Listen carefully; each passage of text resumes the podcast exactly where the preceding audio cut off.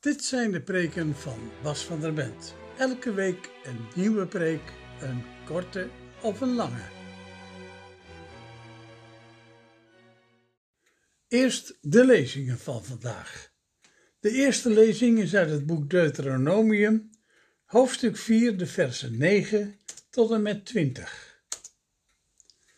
Wees gewaarschuwd en neemt u zorgvuldig in acht zodat u nooit vergeet wat u met eigen ogen hebt gezien, maar de herinnering daaraan levendig houdt en alles aan uw kinderen en uw kleinkinderen doorvertelt.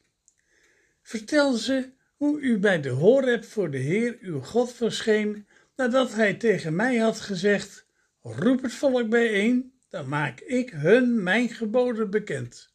Dan leren ze ontzag voor mij te hebben, zolang ze leven en brengen ze dat ook hun kinderen bij. Op die dag kwam u schoorvoetend naar de voet van de berg, waaruit vuur hemelhoog opvlamde, te midden van duisternis en dreigende donkere wolken. Toen sprak de Heer tot u vanuit het vuur. U hoorde een stem spreken, maar een gedaante zag u niet. Er was alleen die stem. Hij maakte de regels van het verbond bekend, de tien geboden. Hij schreef ze op twee stenen platen en eiste dat u zich eraan zou houden. Mij droeg de Heer toen op om u de wetten en regels te leren die u moet nakomen in het land dat aan de overkant, dat u in bezit zult nemen. Maar aangezien u geen gedaante hebt gezien toen de Heer u op de horeb vanuit het vuur toesprak, moet u zich zorgvuldig in acht nemen.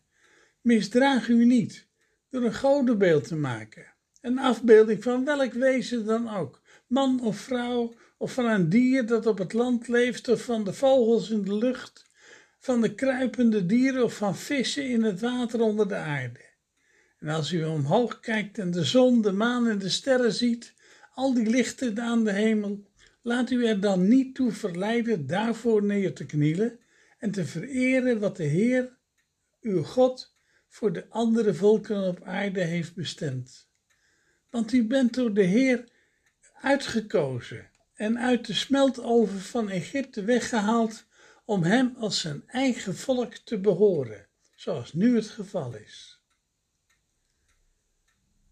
De evangelielezing van vanmorgen komt uit het evangelie van Marcus, te beginnen het hoofdstuk 8 vers 27 en door tot en met hoofdstuk 9 vers 1. En Jezus vertrok met zijn discipelen naar de dorpen van Caesarea Philippi. En onderweg vroeg hij zijn discipelen en sprak tot hen: Wie zeggen de mensen dat ik ben? Zij antwoordden en zeiden: Johannes de Doper, en de andere Elia, en weer andere een van de profeten. En hij vroeg hun: Maar gij, wie zegt gij dat ik ben? Petrus antwoordde en zeide: Gij zijt de Christus. En hij verbood hun nadrukkelijk met iemand hierover te spreken. En hij begon hen te leren dat de zoon des mensen veel moest lijden en verworpen worden door de oudsten en de overpriesters en de schriftgeleerden en gedood worden en na drie dagen opstaan. Hij sprak dit woord vrij uit. En Petrus nam hem terzijde en begon hem te bestraffen. Doch hij keerde zich om en ziende naar zijn discipelen, bestrafte hij Petrus en zeide: Ga weg achter mij, Satan. Gij zijt niet bedacht op de dingen Gods, maar op die der mensen. En hij riep de schade met zijn discipelen tot zich en zei tot hen: Indien iemand achter mij wil komen, die verloochenen zichzelf en nemen zijn kruis op en volgen mij. Want ieder die zijn leven zal willen behouden, die zal het verliezen. Maar ieder die zijn leven verliezen zal om mijnentwil en om des evangelies wil, die zal het behouden. Want wat baat het een mens de gehele wereld te winnen en zijn ziel schade te lijden? Want wat zou een mens kunnen geven in ruil voor zijn leven? Want wie zich voor mij en voor mijn woorden schaamt in dit overspelig en zondig geslacht, de zoon des mensen zal zich ook voor hem schamen, wanneer hij komt in de heerlijkheid van zijn Vader met de heilige engelen. En hij zei tot hen: Voorwaar, ik zeg u, er zijn sommigen onder degenen die hier staan, die de dood voorzeker niet zullen smaken, voordat ze zien dat het koninkrijk van God gekomen is met kracht.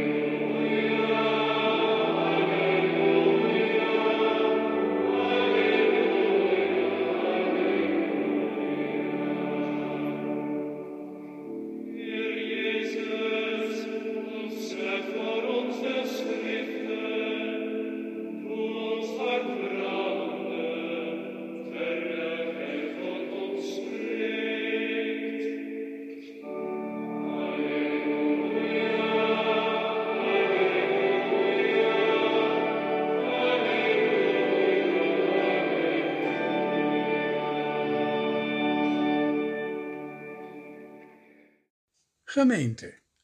De leer van Mozes waarover we uit het boek Deuteronomium hebben gelezen, is een verhaal dat aan kinderen en kleinkinderen moet worden doorgegeven.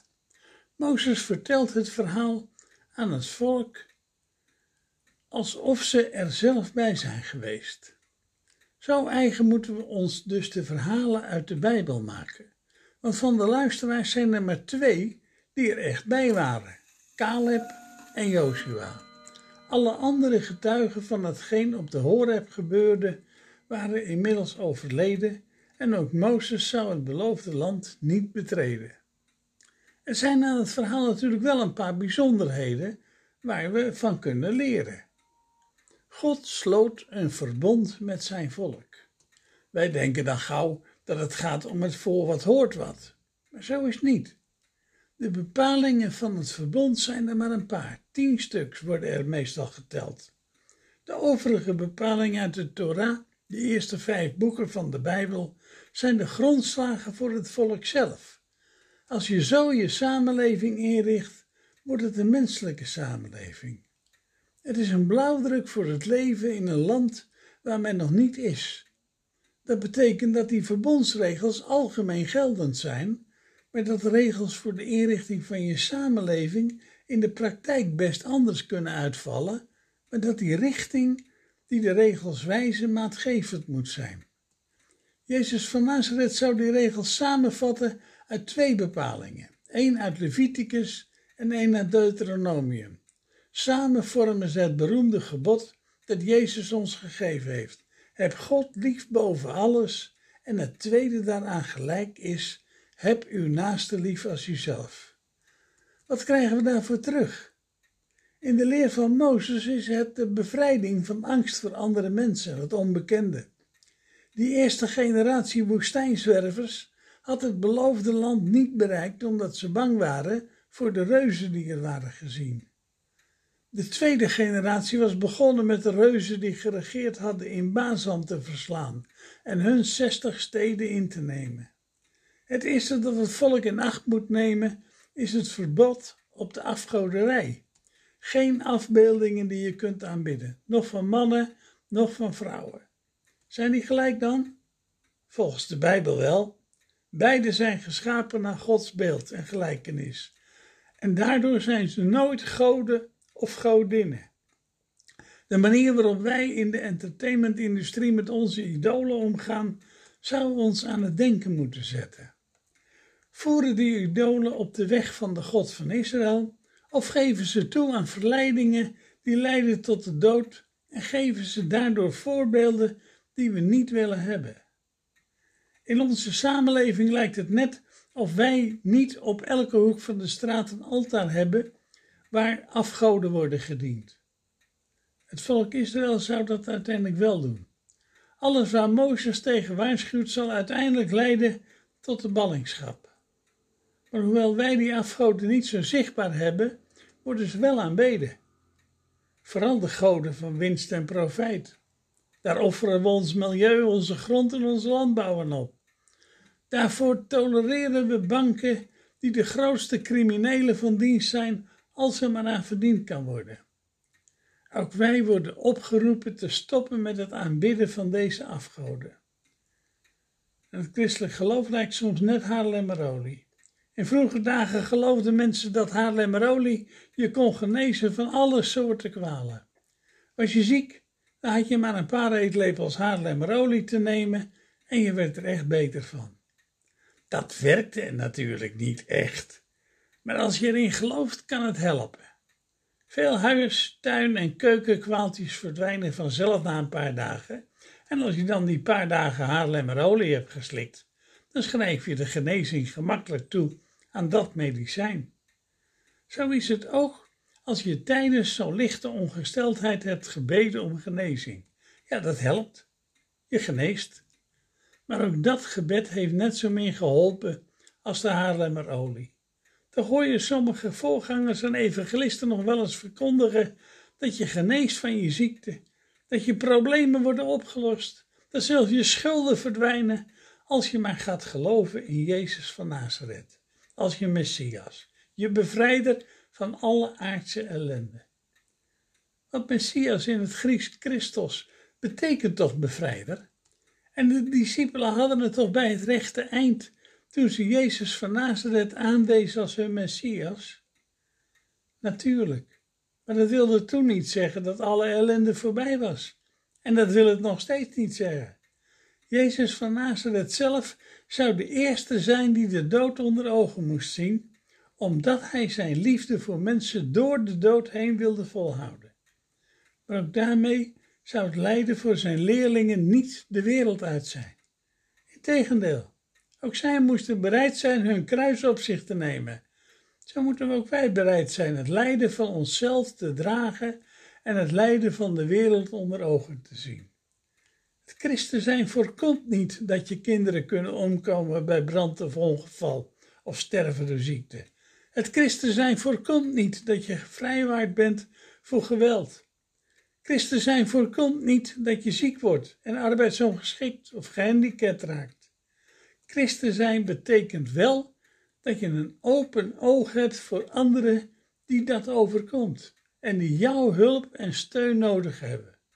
Christen zijn betekent dat je een open oor hebt voor die mensen die om hulp roepen. Jezus verbiedt zijn volgelingen zelfs om mensen te vertellen dat hij de bevrijder van Israël is. Dat komt omdat veel mensen dachten dat zo'n Messias met een stevige oorlog de Romeinen wel even zou verdrijven. Maar zo is het niet. De macht van het kwade is pas te bestrijden door het goede te doen. De mensen die lijden, de zieken, de gehandicapten zijn daarom eigenlijk de geheime hulpjes van Jezus. Als er mensen zijn die zich ontfermen over de mensen die dat nodig hebben, dan zijn die mensen de handen en de ogen van Jezus. Als ze alleen om zichzelf denken, dan horen ze er niet bij. Je moet dan ook nooit een beroep doen op het christen zijn van een ander, want dat oordeel komt alleen God toe. Het blijft natuurlijk moeilijk te geloven dat ook Jezus zelf moest lijden en sterven. Hij had zoveel mensen genezen, maar alleen als iedereen het goede zou gaan doen en niet dan het goede, dan zou alle ellende op de wereld verdwijnen. Pas toen hij dat tot in de dood, tot op het kruis liet zien, kon hij laten zien dat dan het leven pas echt begint. En toen zijn leerlingen dat zagen, begonnen ze het pas een beetje te geloven. Petrus was in het verhaal van vandaag zover nog niet. Hij beristte Jezus zelf. Je moet toch niet denken dat wij je laten vermoorden?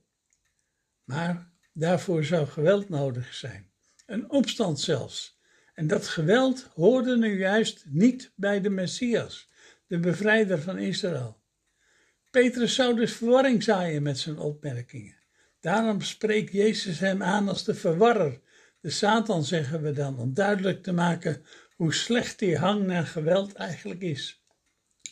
Christen zijn betekent dus niet dat je minder met lijden te maken hebt, maar het betekent je dat je ook nog te maken wil hebben met het lijden van anderen. Want alleen als we bereid zijn te maken, willen hebben met het lijden van de minste in de wereld, dan kunnen we een weg vinden om alle lijden de wereld uit te helpen. Daarvoor moeten ook wij bereid zijn om het lijden desnoods door de dood heen te dragen.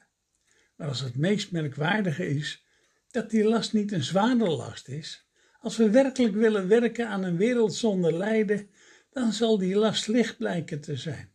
We kunnen dat kruis vandaag nog op ons nemen. Niet omdat we beter zijn dan anderen, maar omdat we de grote daden Gods willen verkondigen. De God heeft een aarde geschapen die goed was.